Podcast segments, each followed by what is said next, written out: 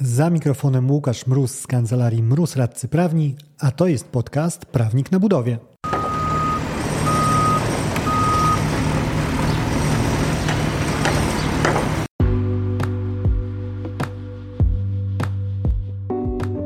Z tej strony mikrofonu Łukasz Mróz, aka Prawnik na budowie.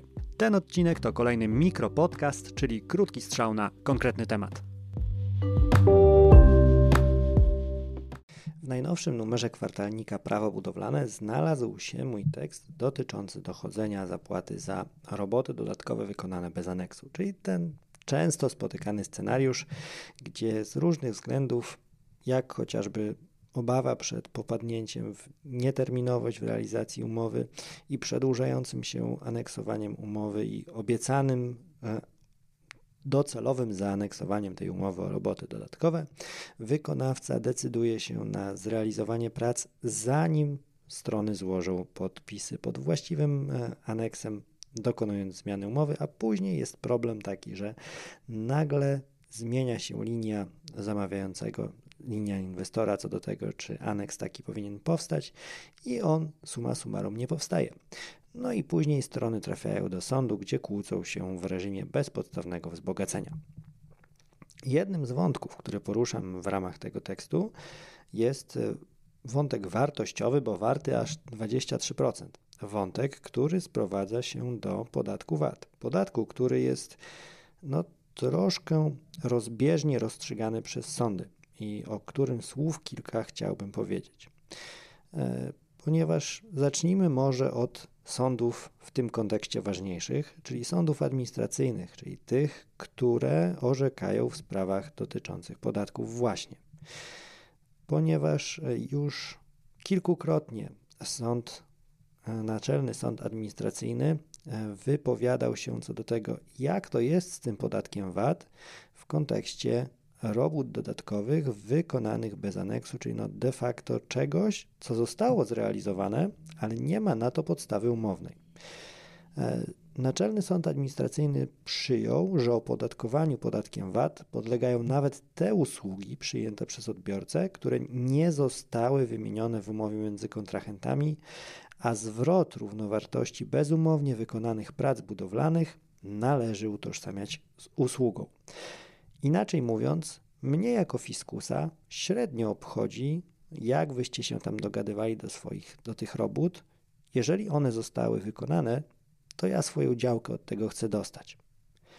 E, I w tym kierunku, mm, w to orzecznictwo wpisał się także Sąd Najwyższy, który odwoływał się właśnie do, do orzeczeń, orzecznictwa Naczelnego Sądu Administracyjnego e, i też podpisał się pod tym stanowiskiem. E, dla dodania mo może jeszcze dorzucę inny wyrok NSA, w którym z kolei sąd ten podkreślił, że kwota zasądzona wyrokiem sądowym jest e, kwotą obejmującą całość świadczenia należnego od nabywcy. Zatem kwota ta stanowi kwotę należną w rozumieniu artykułu 29 ustęp 1 właściwej ustawy podatkowej.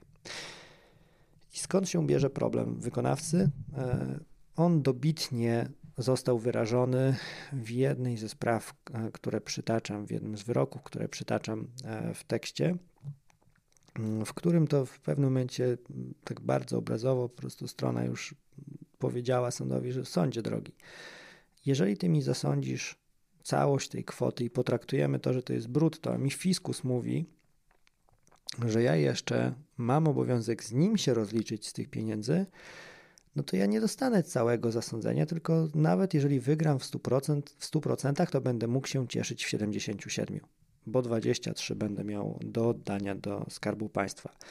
Więc gdzie tu sprawiedliwość, gdzie tu ekonomia, gdzie tu jakakolwiek matematyka, która miałaby e, służyć racjonalności.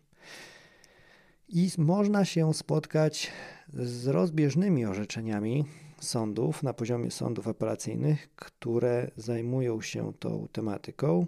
E, chociażby sąd apelacyjny e, w Szczecinie wpisał się w, w taką opcję wskazującą na zasadność przyznania wykonawcy tego e, powiększenia jego kwoty, ujęcia w niej VAT-u z uwzględnieniem właśnie tego orzecznictwa Naczelnego Sądu Administracyjnego, które sprowadza się do tego, że fiskus po swoje zapuka.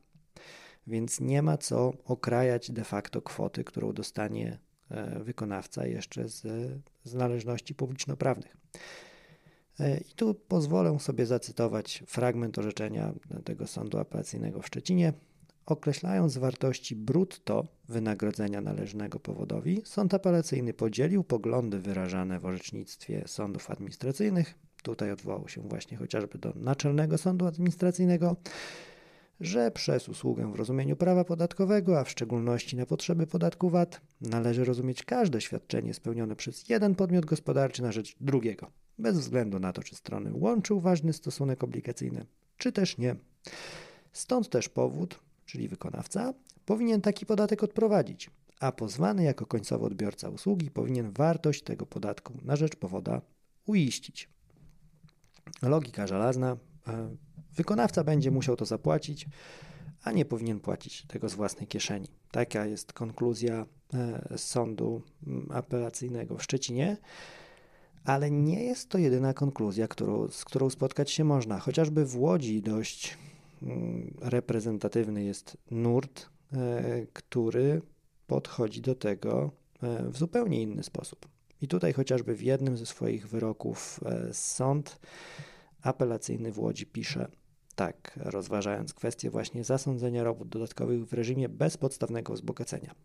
O ile jednak rozważać i przyjąć po stronie pozwanej jakieś wzbogacenie, czyli po stronie inwestora, to w ocenie sądu odwoławczego wartością wzbogacenia nie jest iloczyn cen piasku jej ilości, bo tutaj był spór o to, ile tego materiału zostało wykorzystane i że to była ilość ponadumowna. Raz jeszcze, nie jest wartością wzbogacenia iloczyn ceny piasku i jej ilości, a już tym bardziej powiększony o podatek VAT, który jako należność podatkowa winien być odprowadzony do Skarbu Państwa. Czyli no, poszliśmy troszkę w innym kierunku i tutaj strona tego VAT-u nie zobaczyła. Strona oczywiście w postaci wykonawcy. E, e, przepraszam, to nie był sąd apelacyjny e, w Łodzi, to był sąd apelacyjny stołeczny. Nie, wróć, jeszcze inaczej, był to sąd już ostatecznie, sąd apelacyjny w Lublinie. Sąd apelacyjny w Łodzi, to co powiedział, z kolei on ujął temat tak. Kiedy wykonawca właśnie czepiał się do rozstrzygnięcia sądu pierwszej instancji co do tego VAT-u, sąd apelacyjny skwitował to w ten sposób. Nie mógł też odnieść zamierzonego skutku zarzut powoda, czyli wykonawcy, odnoszący się do wadliwego zastosowania ustawy o podatku od towarów i usług i niedostatecznego w tym zakresie uzasadnienia zaskarżonego wyroku. Za podstawę rozstrzygnięcia e, przyjęto bowiem przepisy o bezpodstawnym wzbogaceniu. Należność powoda nie wynika więc z umów między przedsiębiorcami i wystawionych faktur VAT.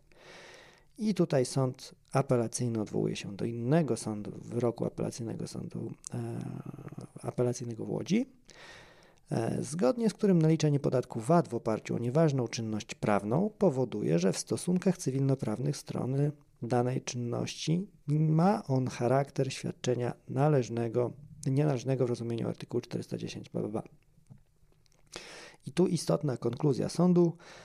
Gdyby pozwana, czyli inwestor, zapłaciła wynagrodzenie wraz z podatkiem VAT w sytuacji, w której ten podatek, e, w której podatek ten został naliczony nienależnie, to nie miałaby możliwości odliczenia tego podatku, a powód nie miałby obowiązku jego odprowadzenia do Urzędu Skarbowego. W tym zakresie doszłoby więc do wzbogacenia powoda, czyli wykonawcy. I to no, jak widać w zestawieniu z tym wcześniej cytowanym przeze mnie wyrokiem e, Sądu Apelacyjnego w Szczecinie, jest rozbieżność, no już można powiedzieć na 46%, bo mieć 23% i nie mieć 23% to już 46%. E, detale i namiary na te e, orzeczenia znajdziesz, tak jak mówiłem, w nowym numerze kwartelnika Prawo Budowlane a ten tekst e, wisi też na stronie mojej kancelarii, kancelariamroz.pl, e, razem z przypisami wskazującymi na orzeczenia, które są w nim powołane. E, podlinkuję go w opisie do tego odcinka.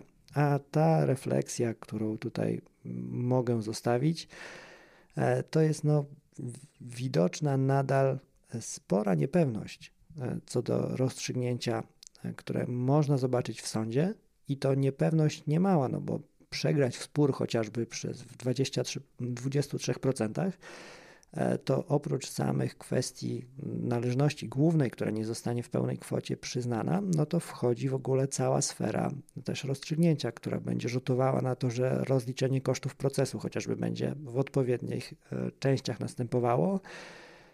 Także w przypadku takiego sporu co do kwestii prawnych, no byłoby miło, gdyby jednak e, większa jednolitość w orzecznictwie zapanowała w tym zakresie.